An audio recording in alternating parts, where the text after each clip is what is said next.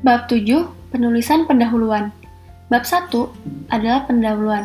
Sebaiknya ditulis setelah mengerjakan bab 2 dan bab 3.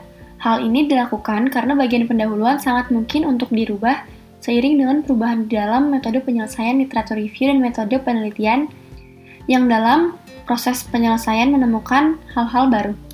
Secara umum, penulisan pendahuluan ada lima hal pokok yang wajib ada, antara lain yang pertama, menjelaskan kondisi masalah yang akan diinvestigasi untuk menjelaskan pentingnya penelitian ini. Selain itu, Penulisan bagian ini dilakukan untuk memberikan introduction awal terhadap pembaca atas suatu yang ingin diteliti. Dalam konteks ini, kita harus asumsi bahwa pembaca tidak memiliki knowledge terhadap apa yang ingin diteliti.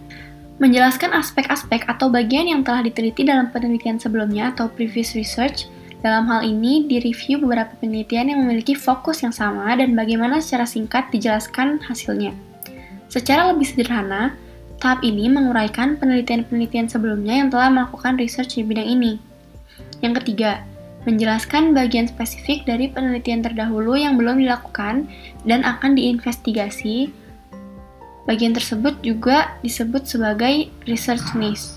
Yang keempat, menjelaskan tentang tujuan penelitian dan yang kelima, menjelaskan justifikasi kenapa melakukan studi ini dan apa kontribusinya. Dalam penulisan bab 1, Pendahuluan diharapkan penulisannya memiliki flow atau alur yang mudah dibaca atau dipahami oleh reader. Oleh karena itu, ada beberapa hal penting yang mendasar yang sebaiknya difahami dan dilakukan.